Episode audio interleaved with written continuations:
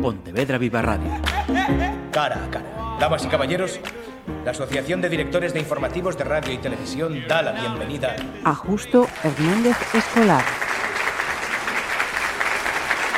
Saludos. Nos fijamos en este cara a cara en la Feria Taurina de Pontevedra porque vamos a charlar de toros, concretamente de los que saldrán de los corrales de la Plaza de San Roque el sábado 13 y para ello contamos con Justo Hernández Escolar, ganadero del Hierro Salmantino de Grande. Así que justo lo primero, gracias por dedicarnos este tiempo.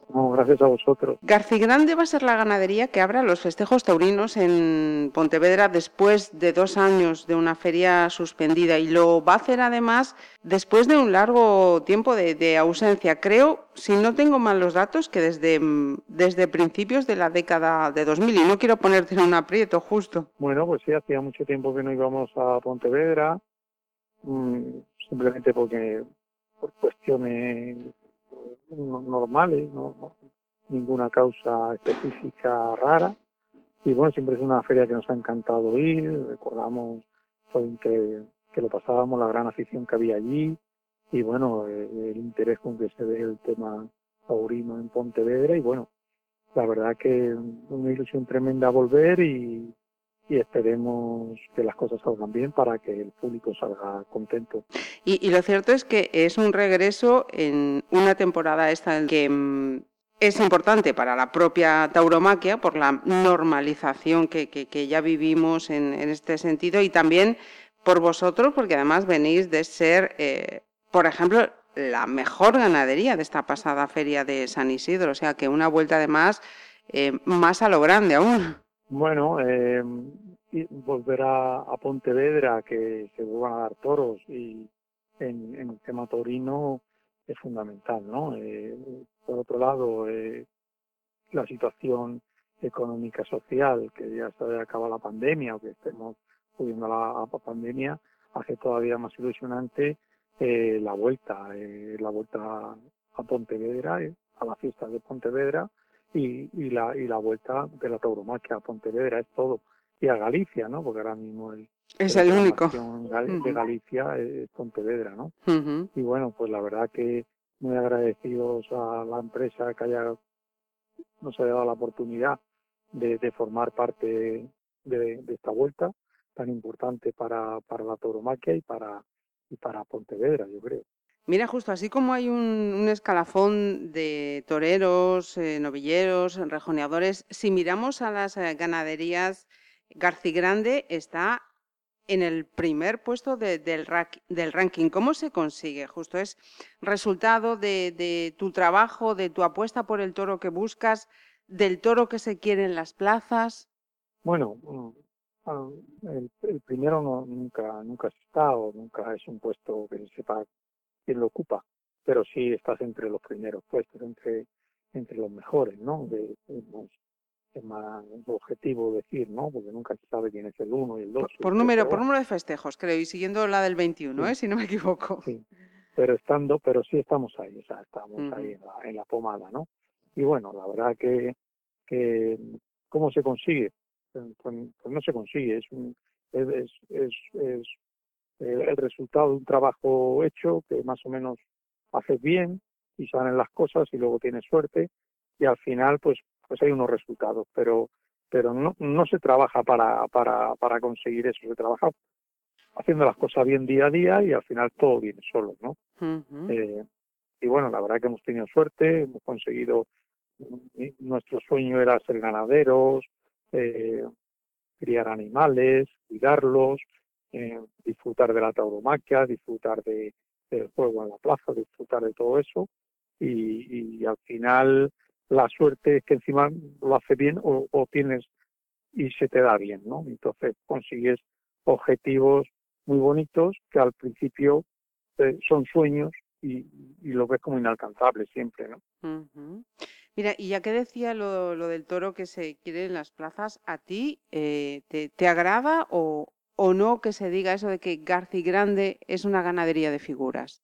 Bueno, Garci Grande es una ganadería que hace el toro lo mejor que sabe, lo mejor que puede, y luego eh, los resultados en la plaza, los éxitos, los triunfos, que hacen que las, los toreros los pidan más o pidan menos, ¿no?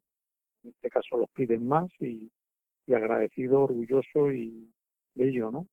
Pero mm, uno no hace el toro para nada, lo hace según le gusta a él o, y muchas veces los resultados no me gustan, pero, pero los asumo. Al final, estos resultados sí hacen que cada vez lo pidan más toreros porque saben que, que bueno, o creen que les va a dar más éxito que, que con otro con otros toros, ¿no?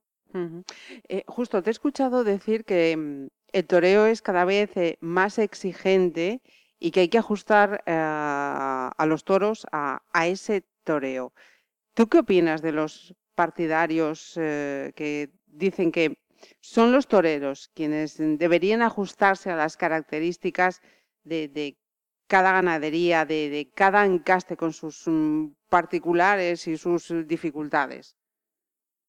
evidentemente en el ruedo eh, el torero tiene que sacar el máximo partido de, cada toro. Eso es, lógico. Lo que pasa es que ellos tienen una exigencia, el público les va a ver con una ilusión y un entusiasmo tremendo, haciendo un esfuerzo económico muy grande porque las entradas de los toros son caras y, quieren ver a, lo que van, a pagar una entrada para ver algo, ¿no? Para ver a ese toro que, que, que admiran y a ese o, lo que ellos creen. Entonces, el torero que sabe que tiene que estar bien sí o sí, porque si no a defraudar a mucha, a mucha gente que le van a ver, pues entonces intenta, pues eso, conseguir su objetivo, que es que el público salga emocionado, satisfecho y con, y con más, más seguidores eh, a su favor, ¿no? Y para eso debe buscar lo que cree que mejor puede cumplir con, su, con, su, con, esas expectativas que crea en el público que paga, ¿no? Mira, eh, lo cierto es que mm, la cría del, toro bravo no, no es la misma ahora que, hace 50 años, ¿no? De hace unos años a esta parte, pues mm, se han introducido, por ejemplo, pues eh, esos correderos para conseguir unos animales pues mucho más atléticos, eh, se enfundan, ¿no? Para evitar pues un número mayor de pérdidas de reses o que los pitones estén más limpios, entre comillas, para cuando salen a, las plazas. Para esta generación tuya de ganaderos que, mm, que habéis o, vais tomando el relevo generacional, pues mm, no sé, como tú, pues eh, Daniel Ruiz, La Quinta, José Escolar, eh, Gavira, Victoriano del Río, Valdefresno, Pilar, en fin, por citar algunos. ¿Crees que mm, que lo tenéis más complicado que las generaciones vuestras anteriores? Bueno, al final es una metodología de trabajo donde gracias a varios eh, hay una evolución constante en el toro que debe haberla en la tauromaquia como en la vida todo, todo es mejor y todo necesita más cosas porque es mejor, o sea, necesitan más puntos. En ese sentido, pues necesitamos trabajar más pero no deja de buscar una metodología de trabajo donde una vez que ya es la manera de trabajar, eh, que hace conseguir todo eso, pues poner funda, moverlo, alimentarlos de tal manera, eh, somos más profesionales, digamos, no somos mejores porque hemos aprendido de los antiguos, es, ha sido una evolución donde los antiguos pusieron su granito de arena y los nuevos vamos hemos puesto otro granito de arena y hemos conseguido el granito de ellos más el granito nuestro conseguir el toro de hoy, ¿no? Que es muchísimo mejor que el toro de, tiene otras connotaciones, en, en reglas, en, en, números grandes hemos conseguido una mejor presentación de los pitones, hemos conseguido una, una mejor eh, que no se le a los toros, en, en, este sentido, todas aquellas cosas que nos pedían los aficionados, en cierto modo las hemos conseguido, ¿no? Y bueno, pues, pues orgulloso de, eso y, y, bueno, nos ha tocado una época de más trabajo, de más cosas, pero bueno, también bonita porque otra vez hemos conseguido los ganaderos tener el, el respaldo de, la afición, el entendimiento de la afición, cosa que en, la época de los años 80 pues estábamos proscritos, ¿no? Otra cuestión, y hablando de, mm, de momentos así eh, complicados. Yo creo que un buen número de, aficionados y, no aficionados desconocen cuánto supone, y me refiero solamente al aspecto económico, criar una res desde que nace hasta que sale por, por chiqueros. Estos dos últimos años, ¿cómo habéis hecho? Y sobre todo 2020. Pues, pues nada, pues eh, ha sido inventarnos todo. Eh, he dicho que poco a poco antes hemos conseguido una metodología de trabajo donde el toro es el actual y ya no nos cuesta. Y, y, y, en estos dos años ha cambiado tantas las circunstancias y era todo tan nuevo que cada uno tomaba decisiones distintas y unos acertaron más que otros y unos lo pasaron económicamente mejor que otros. Y de hecho en toda en la mayoría de las ganaderías ha habido cambios estructurales no mm, y bueno eh, ha habido pero ninguna solución era buena porque las circunstancias todas eran muy negativas. Entonces no dábamos con la solución buena. Pero bueno es así el hecho de que este año estén saliendo más cinqueños a las plazas eh, de lo que mm, podía ser eh, frecuente, ¿tú crees que mm, perjudica de alguna manera el resultado del festejo o no? No, yo creo que al, contrario, yo estoy harto de, escuchar a lo largo de, mi carrera de aficionado y de ganadero, desde que era pequeño, que el toro cinqueño, que el que el toro utrero era, era una vergüenza y tal y cual, cuando en los años 60, 70 no había guarismo y que el toro era ahora y ahora que lo hemos conseguido mm, está la discusión opuesta absolutamente, no lo entiendo. Eh, yo en mi caso el año pasado demostré que le di mucho finqueño, que sí funcionaban y, y ya está. Y bueno, sí, es más, cuesta más dinero criarlo, pero es una seguridad en cuanto a la presentación eh, el toro finqueño. No entiendo por qué hemos pasado mm, cuando teníamos el toro cuatreño al límite eh, mucha polémica y ahora que tenemos el toro finqueño pues también polémica, hagamos lo que hagamos, parece que la polémica existe, ¿no? Está bien.